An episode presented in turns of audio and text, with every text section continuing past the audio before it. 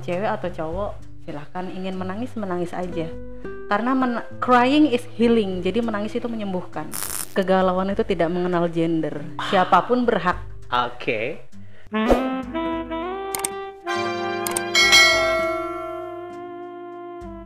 Oke oke guys, assalamualaikum warahmatullahi wabarakatuh. Balik lagi di Dibilang Channel. Kali ini kita di program Dibilang Podcast lagi. Nah, kita ini di sini itu membahas soal yang informatif, edukatif dan juga motivatif buat kalian ya. Nah, seperti pada hari ini, hari ini tuh aku kedatangan seorang penulis dari kota Balikpapan. Weh, dia sudah memiliki buku yang judulnya kalau tidak salah Rentang Waktu. ya benar Rentang Waktu. Oke, kita langsung sambut aja. Ini dia Mbak Farah Fia Rahmawati. Ya. Oke Mbak Fia. Wih, kita juga lagi live di ini ya. di Bayat Musim di WhatsApp itu Justru langsung banyak yang komen itu kayaknya. Oke Mbak Fia, Mbak Fia boleh kenalan dulu dong lebih jauh kita karena kan ada pepatah mengatakan tak kenal maka ah sayang tak Oh. aruf Mbak. itu sudah biasa kalau tak saya. Iya, kita benar. taaruf dulu. Ah, Oke. ah, ah. Kita kenalan Mbak. Oke Mbak. Mbak Fia ini asli anak Balikpapan atau pendatang Mbak di Balikpapan? Saya pendatang sih, cuman eh, sudah menetap cukup lama sejak umur lima tahun di Balikpapan. Sejak umur lima tahun. Wih, berarti sudah lama sekali. Iya lama banget. lama banget. Terus Mbak, kita langsung aja deh ke bicarain tentang kepenulisan. Apa ya bahasanya? Kepenulisan. Kesastraan. Ya, ya terserah itu. Mbak kan sudah punya buku nih namanya Rentang Waktu. Heeh. kalau aku lihat-lihat sekilas tadi review bukunya ya Mm-mm. Mbak itu menceritakan tentang kisah cinta di dalamnya ya Bener. tapi kisah cinta yang eh, hablum minallah dan hablum minanas ya Insya Allah. jadi tidak hanya hubungan antara dua makhluk manusia tapi juga ada hubungannya dengan Tuhan Bener. seperti itu. Kenapa mengambil tema yang seperti itu, Mbak? Ya, yang pertama eh, memang aku suka nulis sesuatu yang berdasarkan dengan motivasi. Terutama di sini temanya motivasi Islam ya. Oh, oke. Heeh, jadi eh, ada beberapa orang yang punya konsep cinta, semuanya eh, punya konsep cinta yang misalnya ngelihat kamu terus aku suka dan bla bla bla kemudian ingin menikahi gitu-gitu. Hmm. Ternyata tidak semudah itu gitu kan. Betul. Di sini ada pengalaman Mbak eh, pernah patah hati, pernah mengalami cinta yang salah. Oh, Mbak yakin juga semua orang pasti rata-rata mengalami itu. Ada Ah. yang cinta yang bertemu sebelah tangan, ada yang sudah menjalin tapi putus di tengah jalan, Ah. seperti itu. Dan kemarin itu mengalami eh, problem cinta yang salah, oh. salah dan kemudian mungkin karena Allah saking sayangnya sama kita, Hmm. kita dilepaskan dengan orang yang salah ini, kemudian kita ditunjukkan nih, ini loh cara yang benar untuk kamu menemukan cinta Wih. lewat Islam. Oh, gitu. gimana? Berarti semakin kita mendekatkan diri dengan Tuhan, Tuhan tuh juga semakin sayang dan memberikan ini loh buat kamu. Mm, benar. Kalau kamu pantas, ini loh yang pantas buat kamu Ya, seperti gitu, itu ya. Wah, keren-keren. Berarti itu adalah kisah perjalanan hidup, Mbak ya? Iya, itu di dalam buku itu sebenarnya 80% kisah nyata. Hmm. Kisah nyata dari penulis itu sendiri. Berarti teman-teman ya, ternyata kisah nyata itu emang berpengaruh buat kita bisa menuangkan sesuatu dalam bentuk cerita ya. Benar. Buktinya jadi sebuah buku seperti itu. Mbak, ini apakah buku pertama atau sebelumnya pernah nulis tapi nggak pernah dipublish? Sebenarnya kalau mau jujur, ini tuh buku kedua. Oh, buku kedua. Iya, Hmm. buku yang pertama itu sebenarnya tentang eh, orang dengan gangguan mental. Hmm. Itu nulisnya dalam bentuk antologi. Jadi ditulis Hmm. bareng teman-teman eh, Oh. ODGJ, orang dengan gangguan jiwa. Wow. Uh, uh, kemudian Mbak juga berpartisipasi s- di situ karena Mbak kan juga orang yang menderita salah satunya itu penyakit bipolar. Bipolar itu punya dua kepribadian itu ya? Bukan, Eh, bukan. bukan. So Cuma ya. gangguan mood aja, Oh. gangguan mood. Itu kalau misalnya dijabarin panjang banget. Uh, uh. Intinya ber- pernah berpartisipasi di situ. Kemudian Uh. akhirnya uh, lama-lama ada seorang psikiater yang menasehat- menasehati Hmm. untuk healing penyembuhan tidak hanya lewat hipnoterapi dan obat saja Hmm. katanya kan tapi lewat spiritual dan dialihkan dengan hobi aja Oh, kegiatan oke. gitu saat Ah. itu eh, kegiatannya suka nulis ya nulis jadi Oh. ketika punya keresahan apa segala macam ditulis aja Hmm. kemudian rajin-rajin mendekatkan diri sama Tuhan Hmm. lama-lama eh ini berkurang dengan sendirinya ketika eh istilahnya depresi ini mau datang ini sudah bisa ke distract dengan kegiatan positif tadi Hmm. gitu jadi akhirnya lama-lama sekian tahun kemudian bikin bait semusim lama-lama ada penerbit yang suka dengan tulisan tulisan aku Hmm. ditawari bikin buku akhirnya jadilah rentang waktu jadi rentang Oh, waktu itu sebenarnya bisa dibilang buku pertama tapi buku pertama yang dipublish secara resmi oleh Ah. penerbit mayor dan Ah. didistribusikan di Gramedia Gramedia Gramedia Oh gitu. gitu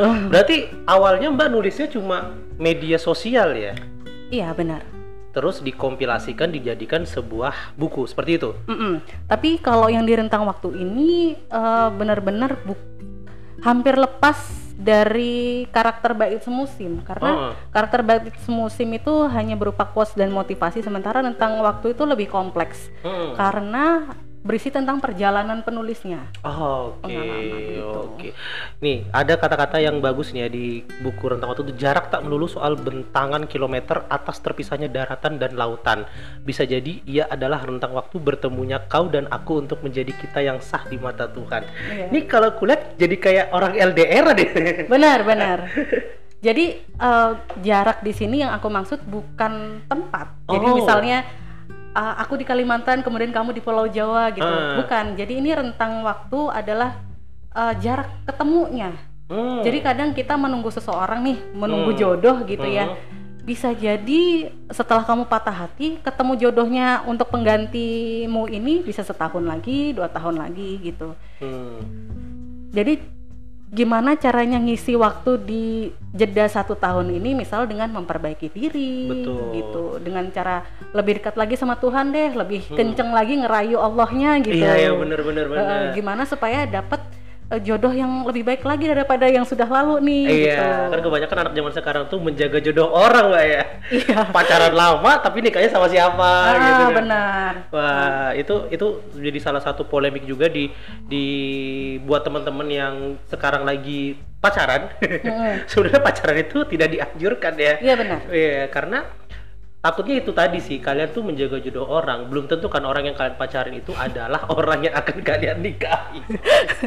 Iya benar. Karena aku punya pernah punya pengalaman seperti itu mbak. Aku oh, iya. aku eh, punya hubungan dengan cewek itu sekitar hampir 7 atau 8 tahun gitu. Oh lebih lama daripada mbak dong. Oh gitu? Mbak kemarin 4 tahun. Oh, Lama-lama standar, standar ya 4 tahun ya. Aku Iya. Kalau udah salah ya hampir 7 atau 8 tahun gitu. Tapi akhirnya pupus di tengah jalan dan akhirnya kita eh, punya pasangan masing-masing dan akhirnya aku eh, menikah dengan orang yang gak pernah aku sangka, orang yang dulu satu kantor dan terpisah lama sekitar lima tahun dan akhirnya aku kembali untuk menjemput dia menjadi istriku seperti itu. Jadi kayaknya hebat ya rencana Tuhan ya Itulah. Jadi memang bener sih teman-teman kalau kita itu punya masalah, ya terutama di masalah hubungan ya ketika kita eh, apa ya bisa dibilang itu putus harapan dengan seseorang, Mm-mm. ya kita berharapnya pada Tuhan seperti itu ya. Benar, benar. Hmm, keren keren keren. Karena juga ada salah satu khalifah Kulaforosidin salah satunya tuh mengatakan bahwa ketika kita berharap kepada orang yang kita dapatkan hanyalah kekecewaan. Tapi Benar. kalau kita berharap kepada Tuhan, ya ya kita akan mendapatkan kebahagiaan. Iya, betul betul banget itu kayak Keren, gitu. keren, keren. Kabi juga percaya dari dulu seperti itu sih. Hmm. Nah, kalau misalnya kita berharap terlalu sesama manusia, manusia itu tempat kecewa ya. Betul mbak. Kadang kitanya yang berekspektasi tidak sesuai dengan ekspektasi itu kecewa jadi. Hmm. Tapi kalau misal kita berharap sama Tuhan, pasti kalau nggak dijawab hari ini mungkin dijawabnya seminggu lagi, Iya, sebulan lagi, atau setahun lagi gitu. Mungkin karena doanya. kita belum siap, belum siap juga. Ya gitu. Tuhan kan tahu ya, ketika kita siap, ya udah kita di- dikasih nih. Ketika belum siap, ya kita nggak dikasih sama aja. Ketika orang kayak mau sukses, kok aku udah sukses-sukses, padahal aku sudah usaha apa segala macam. Takutnya ketika kalian dikasih usaha, dikasih sukses sekarang, jadi sombong atau Iya segala benar. macam. Nah itu dia. Wah, kayaknya aku sudah bisa jadi motivator. oh ya, kembali ke buku tadi Mbak. Eh, Ha. sekarang aku mau bahas tentang Instagramnya Mbak deh yang bait semusim. Nah, bait semusim itu isinya apa aja sih Mbak? Apa cuma motivasi-motivasi gitu aja atau ada kisah nyata yang dituangkan ke situ? Beberapa ada kisah nyata juga, tidak melulu kok eh, motivasi. Karena gini, aku tahu beberapa orang saat sedih atau lagi patah hati tidak bisa langsung diberi motivasi. Ah, benar. Kita buat kata-kata yang merasa kayak, oh aku nggak sendirian kok, Mm-mm. kayak merasa dirangkul gitu. Hmm. Jadi eh, misalnya eh, kamu tidak sendirian kok. Eh, beberapa orang di luar sana ada yang mengalami hal serupa. Nah, aku sendiri itu pengen mereka itu merasakan hal itu juga. Jadi mereka tidak sendirian, wajar menangis. Gak apa-apa kalau mau nangis jangan ditahan, nangis nangis aja, patah hati patah hati aja. Paling lama paling nangis sampai capek seminggu. Iya iya benar. Setelah itu udah pelan-pelan uh, mulai cari kegiatan, ngumpul lagi sama temen-temen.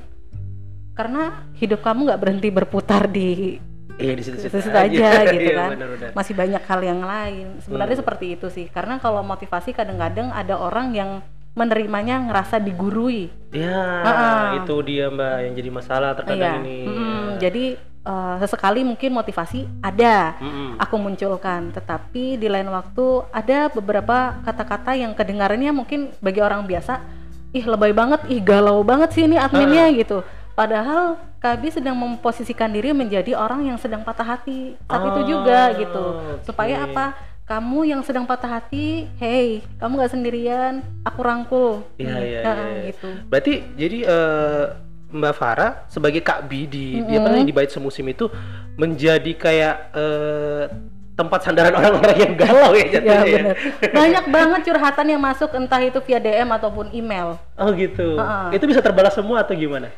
Sampai nggak sempet dibalas.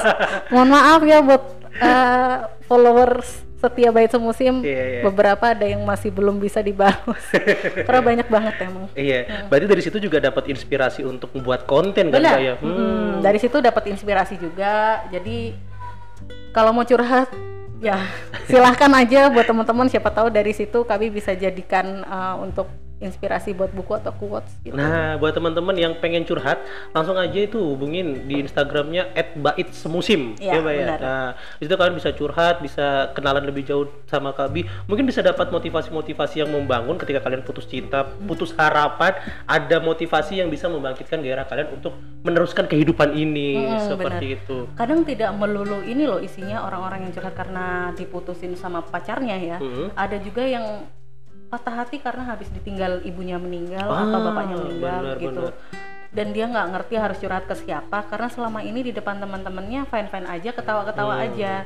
Dia pengen terlihat jadi baik-baik aja di mata semua orang. Tapi ketika sendirian nggak bisa nutupin itu. Saat ngelihat bait semusim eh dia seperti punya harapan gitu. Oh cerita ke sini aja deh gitu. Dan insya Allah rahasia terjamin. Kadang-kadang namanya aku samarin gitu gitu Ah. Tapi habis itu perasaannya pasti bisa lebih lega sih Berarti ada nih ya, ada ada ada rencana untuk ngebuat ngerangkum cerita-cerita teman-teman yang curhat ke tadi ta- di di bait semusim untuk dijadikan buku, Mbak ya. ya ada rencana ke sana Ada rencana ke sana ya. Mm-mm, mm-mm. Karena itu juga bakalan ngebantu banget loh, Mbak untuk teman-teman yang zaman sekarang ini tingkat keuuannya itu kan lebih parah daripada zaman dulu ya. iya benar Kalau zaman dulu kita putus, nangis sebentar aja sudah cari yang lain. Kalau zaman sekarang ini kayaknya berlarut-larut seperti itu. gimana nggak berlarut-larut kadang-kadang kita masih stalkingin IG-nya mantan Nah. story-nya udah sama pacar baru Nah. ya nggak hilang-hilang galaunya Berarti sosial media itu juga mempengaruhi kesehatan mental kalian saat ini karena zamanku dulu pacaran cuma SMS, SMS dihapus hilang semua. Kalau Oh, zaman iya. sekarang masing-masing punya akun, satu dihapus satu enggak masih bisa mantengin kan? Nah itu yang menjadi masalah. Nah, bakal jadi lebih lama nih galaunya gitu nah kan. itulah. Coba mbak, ada nggak sih tips buat teman-teman yang lagi galau habis putus? Aku ada ini ada temen cowok ya, dia tuh habis eh, break lah sama ceweknya. Nah Mm-mm. dia itu kayak dia itu orangnya tuh kayak sayang banget sama ceweknya gitu kan. Cuma ceweknya itu lagi gimana ya pengen menyendiri. Tapi dianya itu galau barat gitu. Nah cowok tuh butuh nggak sih galau? Kegalauan itu tidak mengenal gender. Siapa pun berhak. Oke. Eh psikiaterku pernah bilang nih ya nah mau cewek atau cowok silahkan ingin menangis menangis aja. Karena men- crying is healing jadi menangis itu menyembuhkan. Ah gitu. Jadi kalau kamu tahu beberapa kasus bunuh diri terbesar yang terjadi di dunia itu terbanyak dari Jepang dan Korea. Karena ah, kebanyakan laki-lakinya kalau sedih ditahan. Akhirnya kayak eh, apa ya toksik ini numpuk numpuk numpuk ah. bikin depresi kemudian bunuh diri. Nah, sementara dari psikiater menyarankan mau itu perempuan ataupun laki-laki silahkan ekspresikan. Mm-mm. Tingkat bunuh diri perempuan itu lebih rendah. Kenapa? Karena perempuan itu bebas mengekspresikan isi hatinya. Kalau memang sakit hati, nangis. Ah, perempuan kan kayak gitu. iya. Laki-laki kebanyakan tidak seperti itu. Mereka menganggap menangis itu Aib. aib, bener. Aib ya. Jadi memalukan, hal yang Iya. memalukan. Jadi menangis itu ditahan. Iya bener. Padahal kalau mau menangis nangis aja. Iya. Setelah itu lega kok. Kalau misalnya malu nangis di depan temen, nangis di kamar sendirian. nangis di kamar aja. Gedor ibunya, kenapa kamu nangis? Gitu. Itu aku, aku pernah loh kayak gitu, Mbak. Aku putus cinta tuh aku nangis di waktu kuliah dulu kan. Hah? Putusan, aku nangis di kosan gitu. Hah? Sampai geru-geru gitu nangisnya. Akhirnya digedor sama temanku. San, kamu jangan bunuh diri ya. Enggak enggak. Aku yakin orang yang malah bisa nangis itu cenderung aman. oh. Mentalnya justru lebih sehat. Oh gitu. Gitu.